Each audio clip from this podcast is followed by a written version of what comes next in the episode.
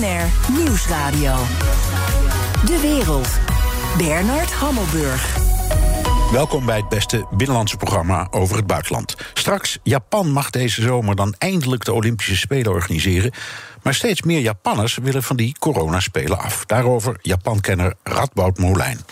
Maar eerst, Italië heeft weer een technocraat gevonden die wil puinruimen. After two rounds of political consultations, Italy's new prime minister Mario Draghi has confirmed he has uh, uh, formed a new government of national unity and it will bring together for the first time in a long time opposing forces. Super Mario, Mario Draghi, oud-president van de Europese Centrale Bank, is de nieuwe premier van Italië. Aan hem de zware taak om de Italiaanse economie uit het slop te trekken. Dat doet hij met een regering waarin zowel technocraten als partijpolitici zitten en zonder dat daar verkiezingen aan vooraf zijn gegaan. Bij mij is Arthur Weststein, historicus aan de Universiteit Utrecht en co-auteur van het boek Het Italiaanse Experiment. Welkom. Goedemiddag. Fijn dat je er bent. Uh, het vorige kabinet van uh, premier Conte viel. In Nederland gaan we in zo'n geval naar de stembus. Waarom kiest Italië zo wel vaker voor deze, ja, nou ons gevoel toch wat ondemocratische oplossing?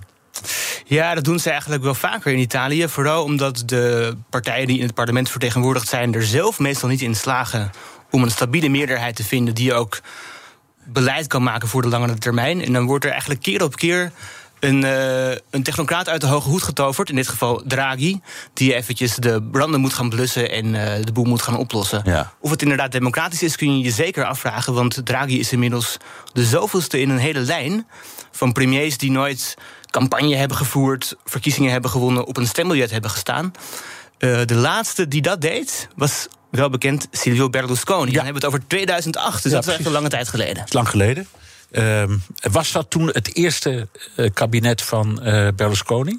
Nou, nee hoor, Berlusconi is eigenlijk al sinds begin jaren negentig ja, ja, ja, precies. aan de macht en dan weer in de oppositie. En dan maar, in oppositie, maar oké. Okay. Uh, sinds Berlusconi, die is natuurlijk inmiddels eigenlijk op sterven na dood, maar heeft Italië geen succesvolle democratisch verkozen premiers meer. Nee, ik herinner me nog dat toen hij kwam, toen riep iedereen die wel eens iets over Italië leest: dit is het einde van de Italiaanse toestanden. Maar nu zijn ze er weer. Die Italiaanse toestanden die blijven maar, maar doorgaan, zeker. Ja, ja. Het, gaat, het, land gaat nooit okay. vervelen. Kun je zeggen dat Italië dan um, in feite de democratie heeft afgeschaft?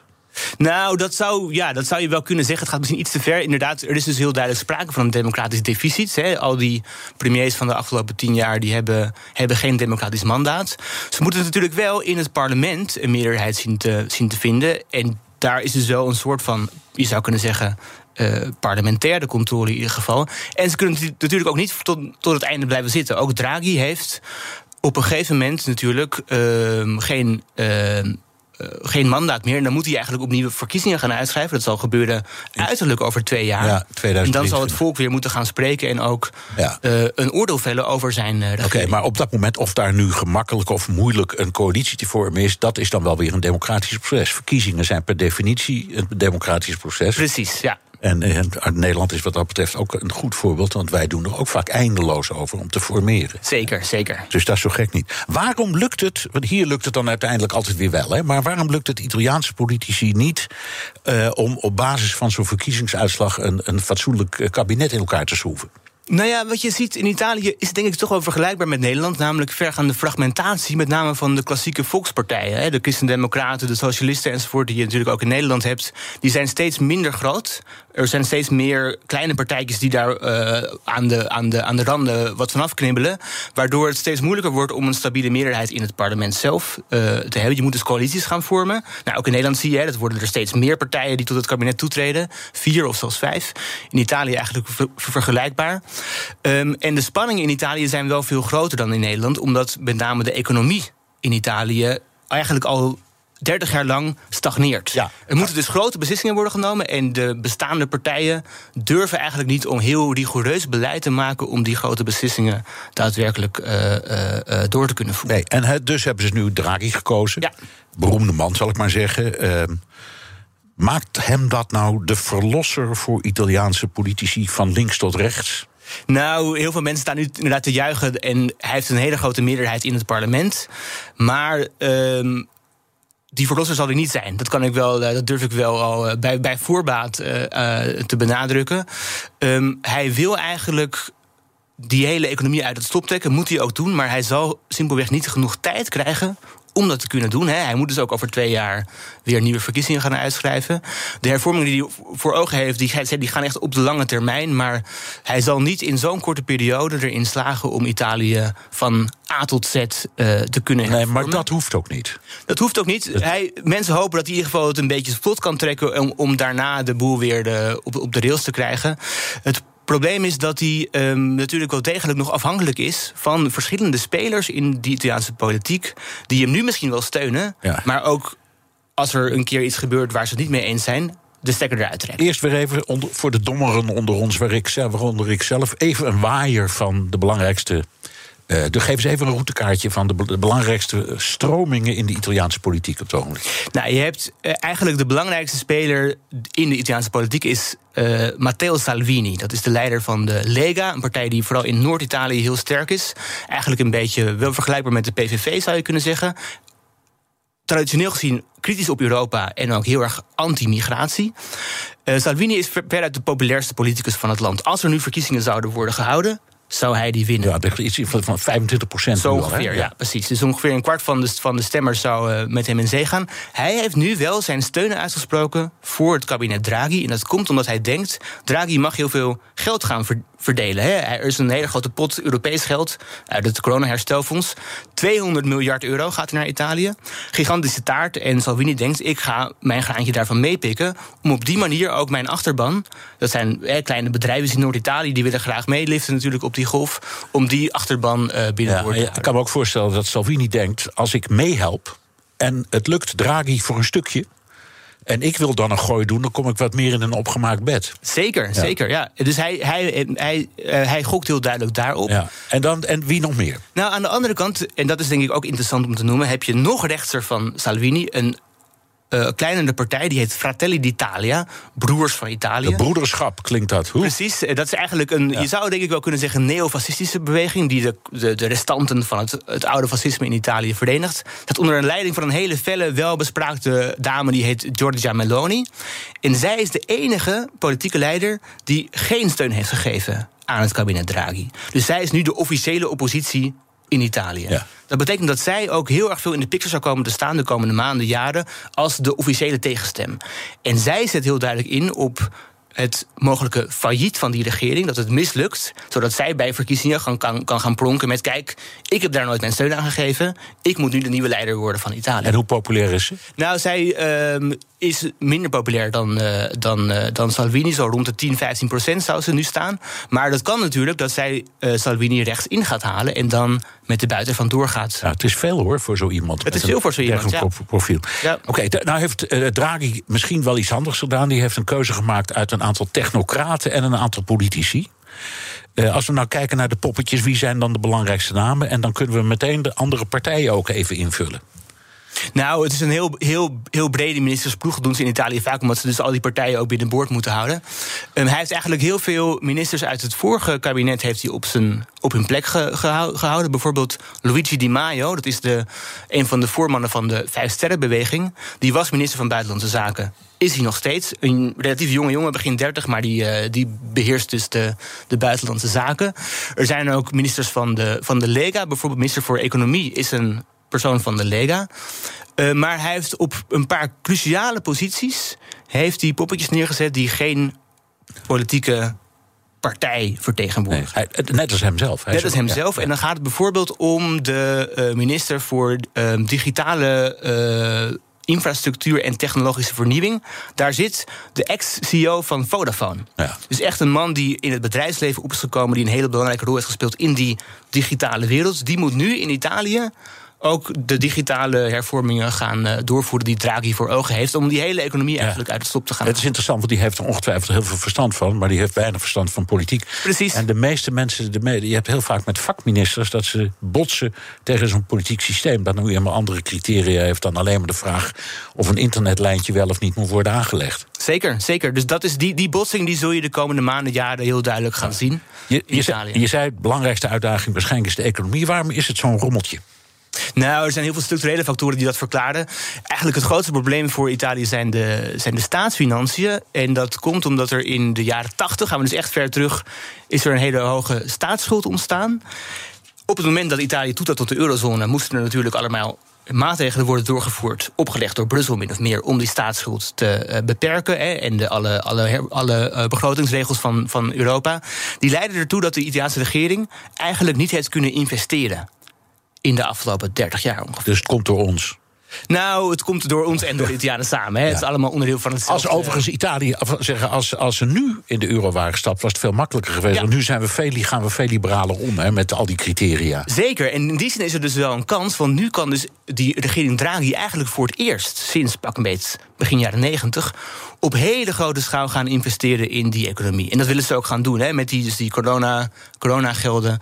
Uh, en alle normen zijn losgelaten. Dus eigenlijk is er een, een, een een kans voor open doel, zou je misschien wel kunnen zeggen, voor Draghi, om Italië nu te gaan, uh, te gaan redden. Oké, en wat mankeert er aan de economie zelf? Want dit, dit gaat dan over, ik zal maar zeggen, de monetaire kant. Ja. Maar hoe zit het gewoon met de economie zelf? Nou, je zou ook kunnen zeggen dat ook vanwege het, het uitblijven van staatsinvesteringen er heel weinig uh, innovatie is geweest. En bovendien is er een hele zware belastingdruk in Italië. Waardoor ook heel veel bedrijven geen incentive krijgen, om het zo maar te noemen, nee. om zelf te gaan hervormen. Of, en dat is erger, die bedrijven die trekken zich terug uit de officiële economie en belanden in, dat noemen ze in Italië de onderwatereconomie. Een beetje het grijze gebied. En schattingen zeggen dat ongeveer een vijfde van de Italiaanse economie niet in de boeken terugkomt. Nee, nee. Dus er wordt wel geld maar verdiend. Dat weet ik uit eigen bezoeken ook. Je ziet voor je ogen waar het gebeurt. Niettemin, het is de derde economie van Europa na het afvallen van het Verenigd Koninkrijk. Ja. Dus het is wel een gigant. Het is een gigant. Het is natuurlijk een, een, groot land, grote bevolking. Het heeft ook een paar hele belangrijke spelers. Denk aan Fiat, denk aan de hele mode-industrie, denk aan uh, allemaal belangrijke witgoedbedrijven enzovoort. Dus Italië heeft ook, en zeker vanuit Nederlands oogpunt, een heel erg groot belang als een, als een import. Uh, markt voor Nederlandse bedrijven. Italië is in die zin echt essentieel voor maar, de eurozone. Maar, zeg, je noemt nou voorbeelden. Laat mij nou even. Uh, Lancia is Fiat. Alfa Romeo is Fiat. Fiat is Chrysler. Dat is Nou, Amerikaans. Gucci is Kering, is Frans. Uh, Fendi is uh, LVMH, Frans. Wat is nog Italiaans?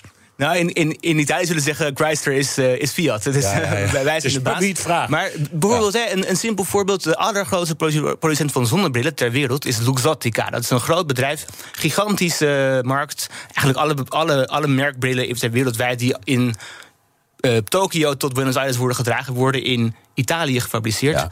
Dus er zijn heel veel belangrijke spelers uh, in de Italiaanse economie. Um, ja, je, ziet het ook, want inderdaad, eh, eh, Italië is, laten we zeggen, wat vormgeving betreft, in de meest brede zin, nog altijd een voortrekker in de wereld. Dat is absoluut een feit, natuurlijk. Ehm, ja, en maar, maar waar verdienen ze hun pasta mee? Nou, ehm, nogmaals, een, een, een belangrijke exportindustrie. Dus, dus heel veel maakindustrie die, eh, die wordt geëxporteerd binnen Europa en ook veel naar, eh, naar, naar landen buiten Europa. En natuurlijk een, een, een stevige interne markt. Maar ehm, nogmaals, het probleem van Italië is dat een groot deel van die economie eigenlijk in een grijs schemergebied plaatsvindt. En wat Draghi nu onder andere voor ogen heeft, is de belastingen ook hervormen. Dus de belastingdruk verlagen. Zodat er in de eerste plaats meer ruimte komt voor bedrijven om te investeren. Maar ook dat er meer eigenlijk ehm, vertrouwen ontstaat in de overheid om wel degelijk belastingen af te gaan dragen. Ja. Want die, die, die, die zwakke overheidsfinanciën worden ook ten dele veroorzaakt door het feit dat er dus weinig belasting wordt afgedragen. Italië maar behoort ja. vaak onderaan in de lijstjes van.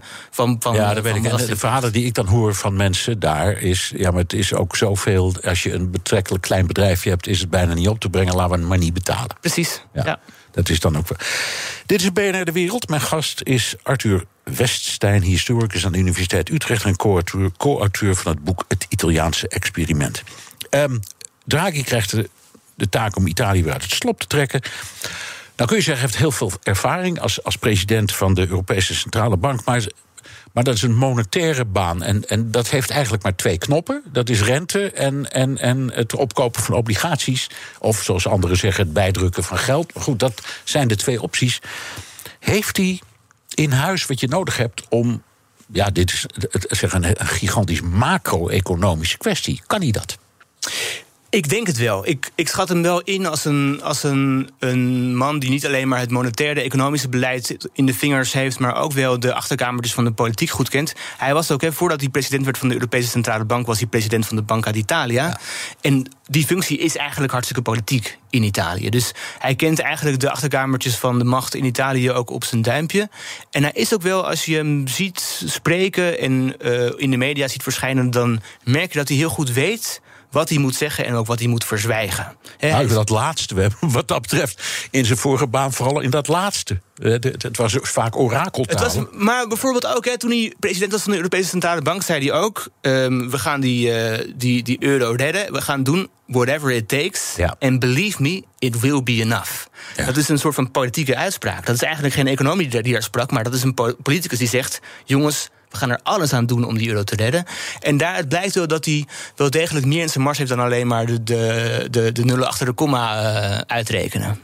Oké, okay, uh, je zei heeft een aparte minister aangetrokken voor digitale ontwikkeling. Die man van Vodafone. Man is de man? Ja. ja man van Vodafone. Um, wat moet er allemaal gebeuren? Wat ligt er dan wat dat betreft op Draghi's bordje? Want je nou, hoort je, als je over Italië leest op het ogenblik, hoor je steeds maar digitaal, digitaal, digitaal. Wat dan? Ja, goede vraag. Ik heb de plannen nog niet, uh, nog niet gezien. Die zijn er ook nog niet. Nee, maar wat is er niet? Gemaakt. Nou ja, bijvoorbeeld, Italië kent een, een vrij zwakke digitale infrastructuur. Ongeveer een vijfde van de Italiaanse bevolking heeft simpelweg geen toegang tot internet. Dus dan moet je je voorstellen dat in, in kleine bergdorpjes in het zuiden.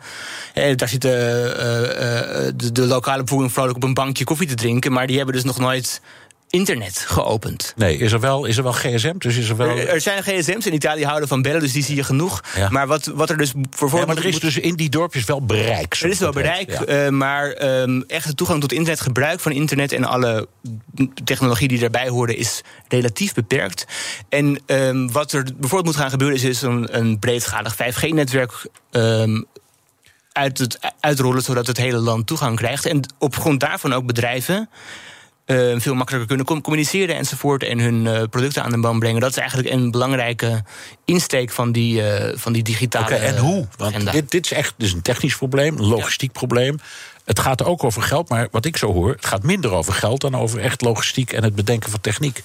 Ja. Dus dan denk ik, Draghi met de man van Vodafone, krijgen ze dat voor elkaar? Denk je dat ze het voor elkaar krijgen in de korte tijd? nee, in die korte tijd niet. Dat, nee. uh, dat maar in ieder geval een aanzet. Een aanzet, maar um, Draghi heeft gisteren een uitgebreide speech gegeven voor de Senaat... waarin hij een beetje aangaf wat hij wilde gaan doen. Dat waren plannen, die, die gingen over 2040, 2050. Dat is een periode van, ja. van de komende decennia. En dat zal hij natuurlijk nooit uh, uh, voor elkaar kunnen krijgen. Want hij kan niet over zijn schaduw heen gaan regeren. Dus hij probeert nu een aanzet te geven... maar of ook zijn opvolgers die zullen doorzetten is zeer de Nee, maar dat is in elke uh, democratie een probleem. Hè? Dat ze, we denken altijd in cycli. Ja. En heel weinig politici zijn in staat om buiten twee, dit vier of in dit geval twee jaar te denken. Ja. Dat is ook heel moeilijk. Um, een ander probleem waar die, dat hij natuurlijk enorm uh, voor zijn kiezen heeft, is corona. This isn't an intensive care unit, it's an emergency ward. The ICU is full. People have only just arrived here and they're in terrible shape. This is an absolute constant. This killer pandemic is virtually out of control. Nou, dat waren verschrikkelijke beelden uit Bergamo. Uh, waar vorig jaar de, de intensive care units overstroomd werden met coronapatiënten. Hoe is de situatie nu in Italië? Nou, beter dan toen natuurlijk. Italië was het eerste land dat uh, in Europa dat getroffen werd door de epidemie. En heeft ook procentueel gezien veel slachtoffers te betreuren. Ruim uh, 90.000. Dus dat is procentueel gezien bijvoorbeeld echt een stuk meer dan in, dan in Nederland. Maar je kan wel zeggen dat de afgelopen maanden het daar beter gaat dan in andere landen. Um, dat er minder besmettingen zijn, procentueel gezien ook minder sterfgevallen. En dat er ook wat soepeler wordt omgegaan met de maatregelen om de epidemie uh, te dempen. Dus bijvoorbeeld Italië is nu ten dele open. Hè. Je kunt daar smiddags nu uh, je bordje pasta eten in het restaurant... en je kunt naar het museum enzovoort. Maar de vraag is wel um, of dat ook uh, goed blijft gaan natuurlijk. Dat, dat is moeilijk te voorspellen. En het, het, het verschilt ook per, per plek, hè? Dat, ja. dat, dat vind ik wel opmerkelijk. Want ik las er waren van de week weer vier provincies waar het wat werd strenger werd. Onder andere Toscane las ik. En op andere plekken is het makkelijker. Is dat ook de crux van hun aanpak? Nou, dat probeert de regering inderdaad wel. In het uh, begin van vorig jaar hebben ze natuurlijk het hele land helemaal plat gegooid. Een totale lockdown. Uh, maar dat was vrij heftig. Dat heeft ook echt tot een hele grote economische krimp geleid. En nu probeert de overheid veel uh, ja, flexibeler om te gaan eigenlijk met besmettingen. Dus inderdaad in ene regio uh, dicht te gooien, andere weer open. Soms ook echt op lokaal niveau. Het ene stadje dicht, het andere weer open. Een soort van stoplichtbeleid, hè, met af en toe het licht op rood en dan weer, dan weer op groen. Dat gaat vooralsnog vrij goed. Italië is natuurlijk ook een groot land met grote verschillen hè, tussen de ene en de andere regio. Waar dat makkelijker kan. En dan over, er wordt niet zo heel veel heen en weer gereisd. Hè. Mensen zijn vaak lokaal. Ook, ook, eh, dat, dat valt ook op. Als je en je mag bijvoorbeeld ook niet altijd van de ene naar de andere, andere regio reizen. Dus het wordt ook echt uh, hoe, doen ze het, hoe doen ze het met de vaccins? Nou, uh, slecht. Maar dat geldt natuurlijk voor alle landen in de, in de Europese Unie. Um, ze doen het beter dan Nederland overigens, maar dat is geen, uh, geen grote kunst. Maar uh, het probleem van Italië, wat je ook elders ziet, is dat de leveringen van de vaccins tegenvallen. Dus de, de plannen die gemaakt zijn, die gingen uit van veel grotere beschikbaarheid. Nou, dat valt tegen. En um, het idee was om bijvoorbeeld eind maart al het grootste deel van de 80-plussers gevaccineerd te hebben. Dat is natuurlijk de grootste risicogroep. Er zijn ook heel veel van in Italië, want Italië heeft een hoge levensverwachting. Zeker. Daar heb je heel veel vrolijke oude vandaag die, uh, die het lang volhouden. En allemaal in huizen wonen bij een kinder of Precies, met een kinderen. Ja, dus er is een, een groot gevaar wel van besmetting. Uh, dat gaat echt om miljoenen 80-plussers. Nou ja, dat gaat ze nooit lukken om die voor eind maart allemaal uh, gevaccineerd te krijgen. Dus het, het ziet er naar uit dat dat stoplichtbeleid nog wel zeker een paar maanden, ja. zo niet tot het einde van het jaar door zou moeten blijven. Maar wat betreft de tekorten hebben ze eigenlijk hetzelfde probleem als alle Europese landen. Zeker. Ja, De een doet het wat beter dan de ander. Maar, uh, het ontloopt elkaar nauwelijks. Ja. Um, Draghi heeft uh, de grootste vijand waarschijnlijk van Draghi is tijd. Ja. Twee jaar, dat zei je, maximaal twee jaar. Uh, Salvini staat uh, bovenaan in de peilingen. Gaat die Draghi opvolgen? Ja, ik denk het wel. Um, Salvini is een, uh, is een man die uh, vrij opportunistisch uh, opereert en goed snapt wanneer hij moet instappen en wanneer hij zijn, zijn kaart eigenlijk voor zich moet houden. Hij heeft nu dus de steun uit, uitgebracht aan, aan Draghi met de inschatting: ik kan mijn slaatje daaruit slaan. Hij zal op een gegeven moment denk ik die steun weer intrekken en dan dus nieuwe verkiezingen forceren. En als dat gebeurt, gaat, kan hij met, uh, met, uh, met uh, eer gaan strijken. Ja. Nou, als je zo populair bent, vind ik het ook best een slimme strategie. Ja. ja. Maar hij heeft dus wel die competitie van die mevrouw Giorgia Meloni... die eigenlijk in zijn nek... van rechts wil inhalen. Precies. Ja. Heel, heel kort nog, denk je dat Draghi in de politiek blijft... na deze periode? Want hij wou president worden altijd. Dat, dat ziet er naar uit. Dus in Italië wordt de president niet door het volk verkozen, maar door het parlement. En die verkiezing komt er ook aan. Dus het zou goed kunnen dat hij dit gebruikt als een opstapje om dan president te worden. En dan heeft hij een onverkozen functie die wel degelijk van politiek belang is, waar hij langer in kan blijven en dus ook in die hoedanigheid zijn stempel kan blijven drukken ja, op de Italiaanse politiek. Want, want die, die dirigeert formaties en Precies. dat soort dingen. Precies. Dan, dan kan hij. Oké, okay. dank. Arthur Weststein, historicus aan de Universiteit uh, Utrecht en co-auteur van het boek Het Italiaanse Experiment. Zie. BNR Nieuwsradio. De wereld. Bernard Hammelburg. Japan mag zich na een uitstel door de coronacrisis alsnog opmaken voor de Olympische Spelen in Tokio. The International Olympic Committee has the honor of announcing that the games of the 32nd Olympiad in 2020 are awarded to the city of Tokyo. Nou, van dat enthousiasme is niet meer zo heel veel sprake. Uit peilingen blijkt dat 80% van de Japanners en ook 70% van de ondernemers niet veel meer zien in die coronaspelen. Ik praat erover met Radboud Molijn, directeur van Global Bridges en Japan Watchers. Welkom. Dank je. Fijn je weer te zien. Nou, plezier. Uh, wat wordt het? Afstel? Pistool op de borst? Uh, pistool op, ja, jij denkt pistool op de borst, afstel. Nou, weet je, uh, 25 maart wordt de beslissing genomen. Want dan wordt de toorts, de Olympische vlam... die gaat dan door, door uh, Japan heen reizen, is de bedoeling. Dus dat moet een, een cruciale datum wordt dat. Uh, maar er is zoveel tegen op dit moment... en er zijn natuurlijk zoveel langzamerhand schandalen ook... dat, en als ze doorgaan, laten we wel wezen... dan zijn het uitgeklede spelen. Ja. Want het is uh, spelen zonder toeschouwers... of met heel gelimiteerde toeschouwers... of alleen maar Japanners op de tribunes... die dan de, de occasie krijgen van... nou ga je voor dit land juichen en voor, de, voor dat land juichen. dat kan me er een hoop bij voorstellen. Ja, is dat echt, zou dat echt kunnen gebeuren op zijn, op zijn Noord-Koreaans? Nou ja, moet je luisteren. Kijk, eh, Olympische Spelen is natuurlijk ook een stuk eh, volksvermaak en tribunekabaal en zo. Dus dat, dat gaat. Als het doorgaat, dan gebeurt het op zo'n manier, denk ik. Laatste nieuws is dat Seiko Hashimoto de nieuwe minister van de Olympische Spelen wordt. Een mevrouw, gaat zij proberen die Spelen te redden? Was al trouwens meteen een schandaal over een meneer die er wilde kussen, of zij wilde meneer kussen, en die wilde dat weer niet. Nee, zij, zij, wilde een meneer kussen. En toen werd er gezegd van, zij heeft te veel mannelijke hormonen. Ik bedoel, het is echt ook wel van een... Ja. Nou, noem maar op. Ja, nee, zeg het maar. Eh, ja. Nou ja, ja bekrompenheid. Eh, achterlijkheid, sorry dat ik het zeg. Of, uh, goed, ja. het, is, het is en blijft. Uh, Oké, maar goed, gaat zij... Uh, want ze benoemen niet voor niets iemand voor Olympische Spelen... zou ik maar zeggen, een speciale minister. Ja. Nou ja, kijk, nee, ze was al minister in het. Uh, zo'n junior minister, een soort staatssecretaris. Ja, maar dan het, voor sportzaken meer. Ja, ja, voor sportzaken. En ze, heeft dus nu zeg maar de taak van meneer Mori overgenomen. Um, nou, er is natuurlijk heel veel kabaal geweest. Hè, want er zou eerst een meneer dat doen die geen 83 was, zoals Mori, maar ik geloof 78.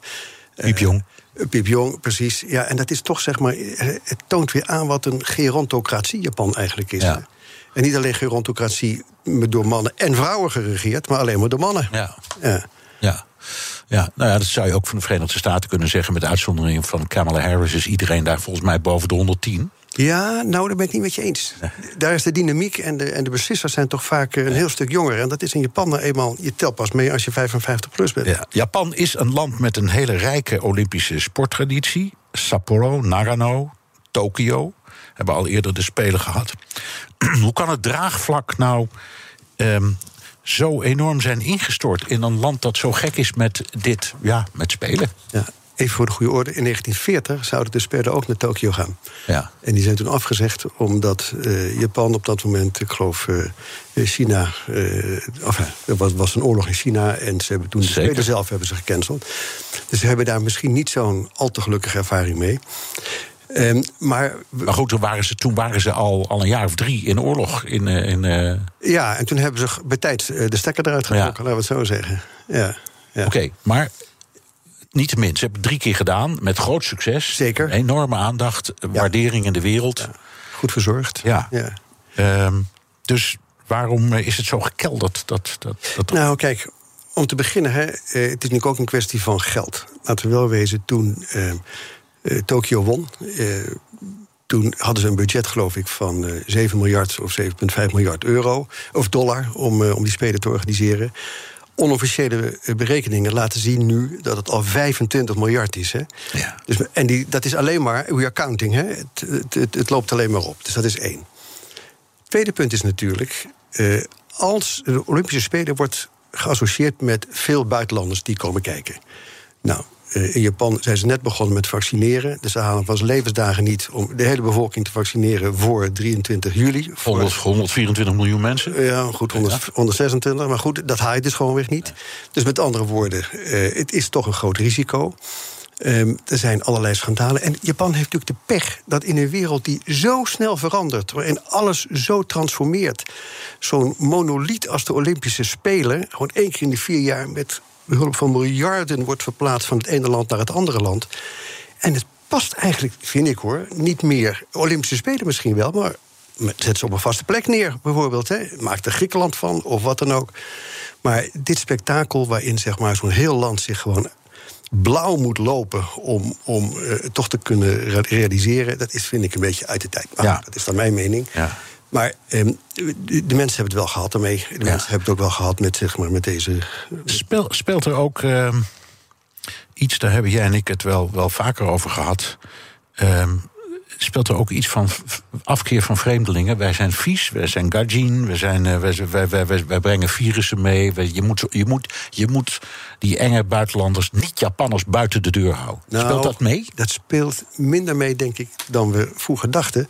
Het, uh, het aandeel van toerisme in de Japanse uh, overheidsbudget, zullen we zeggen, wat toeristen binnenbrengen, dat is zo giga geworden de laatste tien jaar.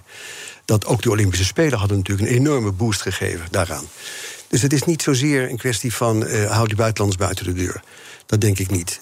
De complexiteit van deze spelen, met al die vaccineren, met zeg maar, de vraag wordt ook gesteld: hebben we voldoende doktoren om iedereen te monitoren op die tribunes als die spelen doorgaan. Weet je, er zijn ook hele praktische bezwaren. Ja, en iedereen zou getest moeten worden, zelfs als je het doet. Dus het is een mega-operatie alleen al op dat gebied. Ja, eh, nou, is een en misschien, misschien zouden we moeten zeggen welk land zou het op dit moment wel willen. Weet je wie de ja. lachende derde is? Dat is Erdogan. Want uh, Istanbul was runner-up naar die ja. Olympische Spelen. Dus die had bijna uh, deze, deze Spelen gewonnen. Ja. En uh, er is geen land volgens mij die het nu zou willen organiseren. Nee. Nou, even naar het bedrijfsleven. 70% van de bedrijven ziet er ook echt niks in. Nee. Waarom niet? Um, nou ja, A, ze hebben het geld al uitgegeven, denk ik. Dus de promotie is al geweest. Het geld is al uit de kast, denk ik. De reden is, het, in, in spelen die niet door de lokale bevolking worden gedragen, eh, ga je daar dan vervolgens als Toyota of Honda of Sony of uh, Mitsubishi Bank, ga je daar met een grote vlag staan? Dat is natuurlijk ook een beetje vreemd. Ja. Dus ik denk dat zij ook nadenken van ja met zo weinig draagvlak, wat heeft het voor ons voor zin? Ja, behalve media-aandacht, dat, dat zou wel helpen, want het gaat naar de buitenwereld. En Japan komt direct wel over te spreken, maar je hebt het over Mitsubishi en over, over Honda en zo. Die willen ook exporteren, dus die willen best ja, vlag zien wapperen in andere landen. Zeker, maar ik denk dat het, het overgrote promotiebudget... dat is toch bestemd voor de binnenlandse markt. En nogmaals, het draagvlak daar is gewoon eigenlijk nauwelijks bestaand. Ja, uh, er is ook achter de schermen het een en ander aan de hand. Nou, we hebben nou die mevrouw Hashimoto met haar, met haar zoen. Die niet, uh, uh, en dan, dan is de, de, de, de voorzitter van het organisatiecomité opgestapt. Ook in een schandaal. Is er paniek achter de schermen ook een beetje? Ja, dat is er natuurlijk zeker. Kijk, een voorbeeld. Op een gegeven ogenblik zei de gouverneur van Tokio, mevrouw Koike, die zei van... ik wil niet meer praten met het Olympisch Comité... met een meneer die dit soort uh, verhalen uitslaat. Ja. Dus met wat wat woorden, had hij ook weer op zijn geweten? Uh, nou, hij, had, hij zei van, kijk, uh, in het Olympisch Comité... en in de vergaderingen moeten we eigenlijk geen vrouwen hebben... want die praten te veel, die praten te lang. Ja. En nou, nou, moet je je voorstellen, net vandaag bekendgemaakt... Hè, dat in de LDP, dus de regerende partij van Japan... daar werd geklaagd nu net door een aantal vrouwen die zeiden van ja, waarom mogen wij niet in de grote comité's en in het bestuur plaatsvinden, want we zijn daar ondervertegenwoordigd. En verdomd, er mogen dus vier vrouwen mogen erbij komen, maar die moeten wel hun mond houden en die moeten vervolgens op een blaadje gaan opschrijven uh, wat ze aan commentaar hebben. En dat kunnen ze inleveren bij de voorzitter. Het is van een. Nou, goed, ja. het wordt al gezegd. Ja, uh, je had het over uh, vergrijzing, dat is een enorm probleem. Hoe komt dat? Goed, ook daar weer geld. Geld is een belangrijke reden. Kinderopvang is in Japan duur. Scholen zijn over het algemeen, als je gaat naar privéscholen, dat zijn de beste scholen, die zijn duur. Maar daarnaast iets heel merkwaardigs. Japanners tussen de 18 en 39, een kwart van die mensen is maagd. Ja. Heeft het toch nooit gedaan? Dus met andere woorden, ja, in onbevlekte ontvangenis doen we niet meer, zullen we zeggen. Dus je, je zal toch iets moeten doen om een kind te maken. Kind te en dat gebeurt dus en, steeds minder. En wat is de verklaring? Want het, dat zou, het zou bijna uh, wijzen misschien dat, dat etnologen zouden zeggen... als een volk te groot wordt, dan, dan verdwijnt de behoefte aan vermenigvuldiging. Wat dan ook. Wat is hier aan de hand? Nou, ik denk A, dat het heeft te maken met de positie van vrouwen. Vrouwen willen gewoon zelfstandig zijn. En die worden toch geacht weer terug te keren naar het huis op het moment dat er kinderen zijn. Nou, dat willen die vrouwen niet. Los daarvan het feit dat Japan heeft natuurlijk nauwelijks immigratie, dus vrouwen moeten wel werken. Uh, dus dat is een belangrijk aspect. Uh, het, het, tweede is, nou ja, nogmaals wat ik net zei, kosten. Kosten is zeg maar een, een, een belangrijk element. Uh, en Japan is op zich een comfortabel land. Hè? Dus je kan het ook comfortabel hebben zonder gezin, zonder man. Dat is waar, maar, maar, maar het, het, klinkt toch als een soort seksueel coma.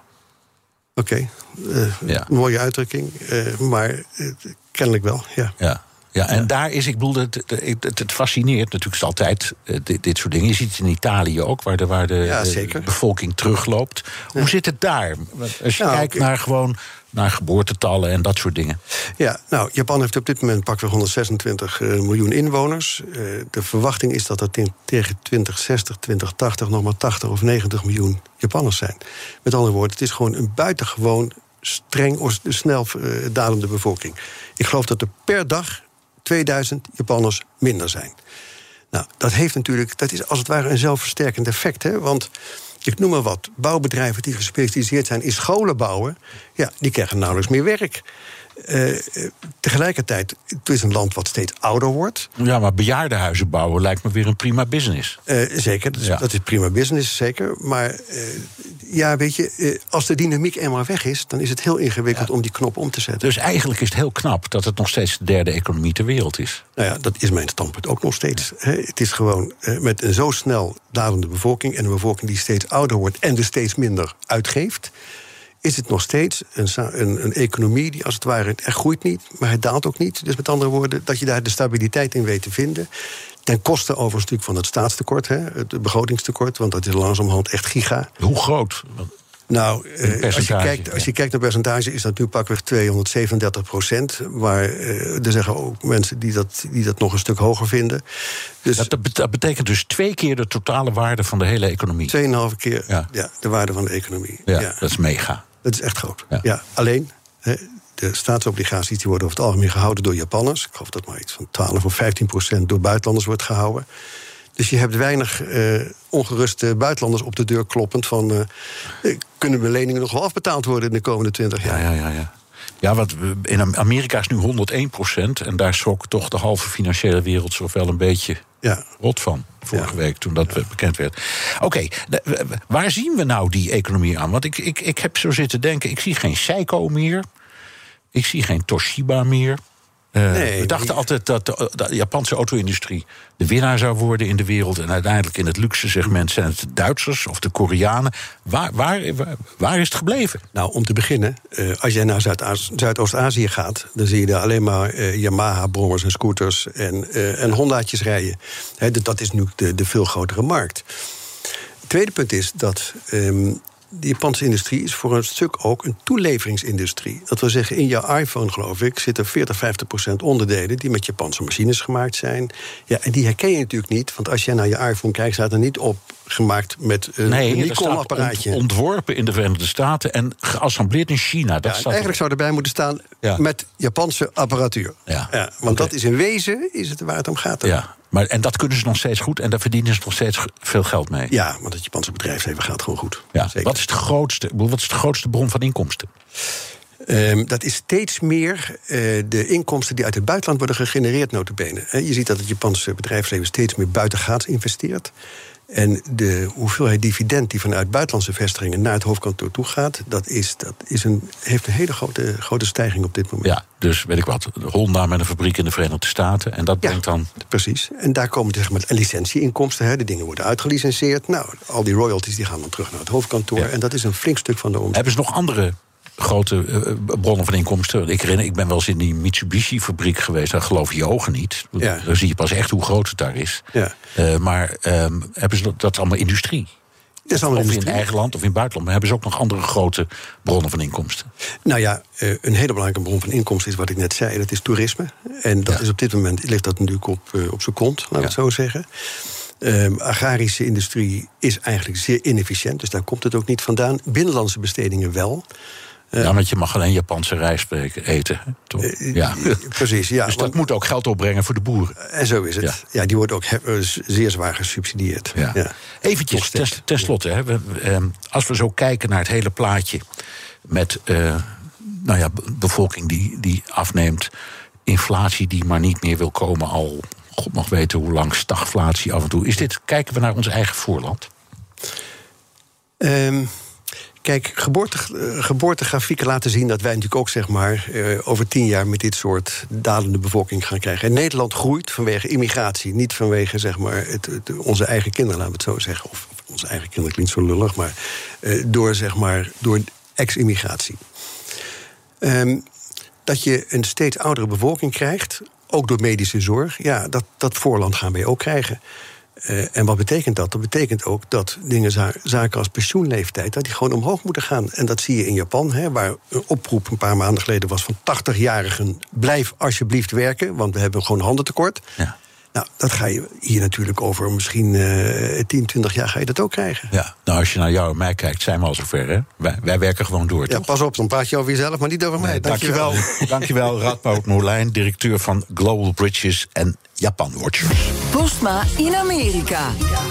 Tijd voor onze vaste Amerika-rubriek met correspondent Jan Postma vanuit Washington. Jan, eerst even naar president Biden. Die wil zijn coronaplan van 1900 miljard dollar aan de man brengen. En daarom is hij aan een PR-tour begonnen. Ja, hij gaat eh, deze week nog naar een eh, fabriek van Pfizer, pardon, eh, de vaccinmaker.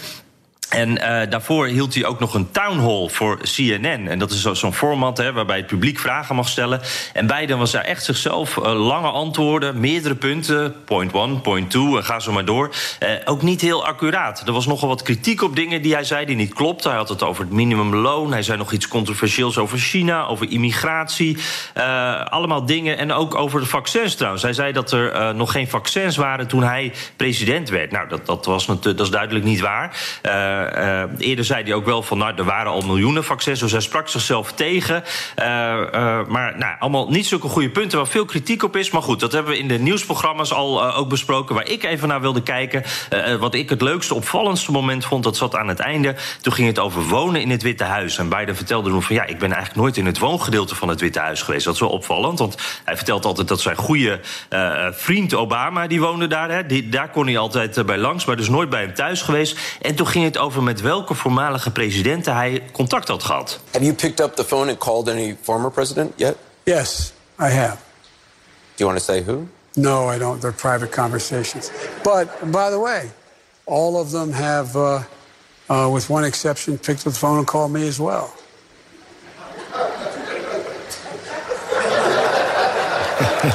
I know you don't want to talk about them, but. Ja, allemaal op één na. Wie zou dat nou zijn? Ja, dat is wel heel geestig hoor, dit. Ja, ik, hij kan zich dan vaak verspreken en dingen, maar gevoel voor humor heeft hij gelukkig wel, hè? Ja, goede timing. Hij bleef heel goed even stil toen uh, hem vragend werd aangekeken. Ja, ja. um, Trump is een tijdje lang stil geweest. Kwam natuurlijk ook omdat hij is afgeknepen door uh, de sociale media. Maar die begon nu aan zijn eigen mediatour. Waarom en waarom juist nu? Ja, ja, dat had te maken met de dood van Rush Limbaugh. Uh, de Trump die belde in bij Fox News en was daarna ook nog bij andere uh, alternatievere media te horen. Was echt heel veel op televisie zelfs, allemaal via de telefoon. En ja, die dood van Limbaugh, dat is echt een, een grote gebeurtenis in conservatief Amerika. Fox News die had het over niks anders meer. Die man was de koning van de talk radio, bereikte miljoenen mensen. een wegbereider ook voor Fox News, voor Trump. het opzwepen met, met boosmakende berichten het wij versus zij. En, en zij zijn dan de democraten. Hè. Hij is de man die dat cultiveerde. Was ook controversieel, soms racistisch, uh, seksistisch. Echt nou ja, een beetje het prototype van een boze witte man. En hij had daar enorm succes mee. Uh, hier een klein stukje limbo. Als hij een speech geeft bij een evenement voor conservatief Amerika. Rush Limbo dus. That's why we are an enemy, because we're effective. The people that do want control... Uh, look at us as the enemy. We're always going to be. Don't ever measure your success by how many drive-by media reports you see that are fair to us. Never going to happen. Don't measure your success by how many people like you. Just worry about how they vote. Ja, dat vond ik wel uh, typisch uh, Limbo. Uh, ook een beetje dat slachtofferschap. Dit was vlak nadat Obama tot president was verkozen. Maar ook die strijdbaarheid. Trump gaf hem de Medal of Freedom bij de laatste State of the Union. En ja, wat ik zei, zonder Limbo denk ik geen Fox, geen Trump. Nee, nee, je kunt eigenlijk zeggen dat hij is de uitvinder geweest van niet alleen van dat rechtse talk radio, maar eigenlijk van dat hele concept van gepolitiseerde presentatoren. Hè? Die, die bij wijze van spreken een soort, een soort preek houden en dan gasten erbij gaan zoeken die dat bevestigen. Ja, en hij kon preken als geen ander. En hij, hij zei zelf, ik ben een entertainer. Dat hoor je ook uh, de, de, Fox News uh, uh, kopstukken vaak zeggen. Maar ja, het, het, is vooral een soort politieke strijder. Hè? Inderdaad, preken. Ja, maar goed, als je jezelf een entertainer noemt, dan hoef je ook niet bang te zijn dat je wordt afgerekend op journalistieke normen. Het was natuurlijk ook zakelijk heel handig van hem om dat op die manier te presenteren. Ja, ja, zeker, zeker. En dat is iets wat de, de, de Sean Hannity, Tucker Carlson, die kopiëren dat ook allemaal. Ja, die zeggen ook allemaal van ja, aan ons kan je niet aan die uh, richtlijnen houden, want wij zijn helemaal geen journalisten. Nee, en die Limbo had geloof ik uiteindelijk iets van 83 miljoen dollar op de bank of zo. Goed, nou, Uh, Trump sprak ook nog uh, over 3 november, de verkiezingsdag. Ja, ja precies. Want uh, nou ja, het begon natuurlijk over limbo, maar op Fox, op EON, op Newsmax, daar, daar allemaal ging het al heel snel over die verkiezingen. Daar begon Trump dan uit zichzelf over, in ieder geval op Fox News. want Trump die zegt, ja, die limbo die vond eigenlijk ook dat ik gewoon gewonnen heb. hier is hij op Fox News. Well, Rush thought we won. And so do I, by the way. Uh, I, th- I, think we won by, substantially. Uh, and uh, Rush thought we won, and uh, he thought it was over at 10 o'clock, 10.30, it was over. And a lot of other people feel that way too, but Rush felt that way strongly, and uh, many people do. Many professionals do. Ja, mocht je nog uh, twijfelen, dat uh, deden wij al niet, hè Bernard? Nee, maar het, nou ja, wat, wat, me, wat me zo verbaast, Jan, is dat hij, hij blijft maar volhouden, hè? Ja, precies. Dit, dit gaat echt niet meer veranderen. Dit is Trumps standpunt. En uh, dit hebben Trump-supporters de hele dag voorbij zien komen. Hè, op al die verschillende zenders. Dus uh, ja, die blijven dit ook geloven. Die big lie van Trump, hij blijft volhouden. Die supporters blijven volhouden. Daar komen we nooit meer vanaf. Nee. Ging het nog wel een beetje over limbo? Ja, uh, Trump die, die vertelde uh, hoe hij van, van, van Limbo is gaan houden. Uh, hoe Limbo ook van, van Trump hield. En Limbo ging al heel vroeg achter Trump staan in 2015. Hij was echt een van de eerste. En, en Trump vond dat fantastisch natuurlijk. En roemt dan ook Limbo's politieke inzicht, dat hij dat al inzag. nou ja, en dan krijgen we even een kijkje in Trumps hoofd, Bernard. Het feit dat Limbo Trump leuk vond, dat is eigenlijk ook wel de reden dat Trump Limbo leuk vond. en, en de Fox presentator moet zelfs ook even lachen als Trump het uitlegt, want Trump heeft namelijk een beautiful weakness. Right from the beginning he was so great and you know and I I have a uh, a very beautiful weakness. I always seem to like people that like me, okay? You know, it's much easier. When they don't like me, I tend not to go for them so much. Dat is inderdaad een hele mooie, Jan. Ik vind alleen maar mensen leuk die mij leuk vinden. Ja, dat maakt het een stuk makkelijker. Ja, het maakt het een stuk, een stuk makkelijker. Uh, speelt, blijft dit nu voorlopig spelen, dit onderwerp? Dat, dat integreert me nog, omdat ik, ik heb Limbo zo ongeveer vanaf zijn eerste dag gezien, gehoord. Ik herinner me nog hoe Amerika opschrok toen die man begon. Blijft dit nog een tijdje rondzingen, dit verhaal?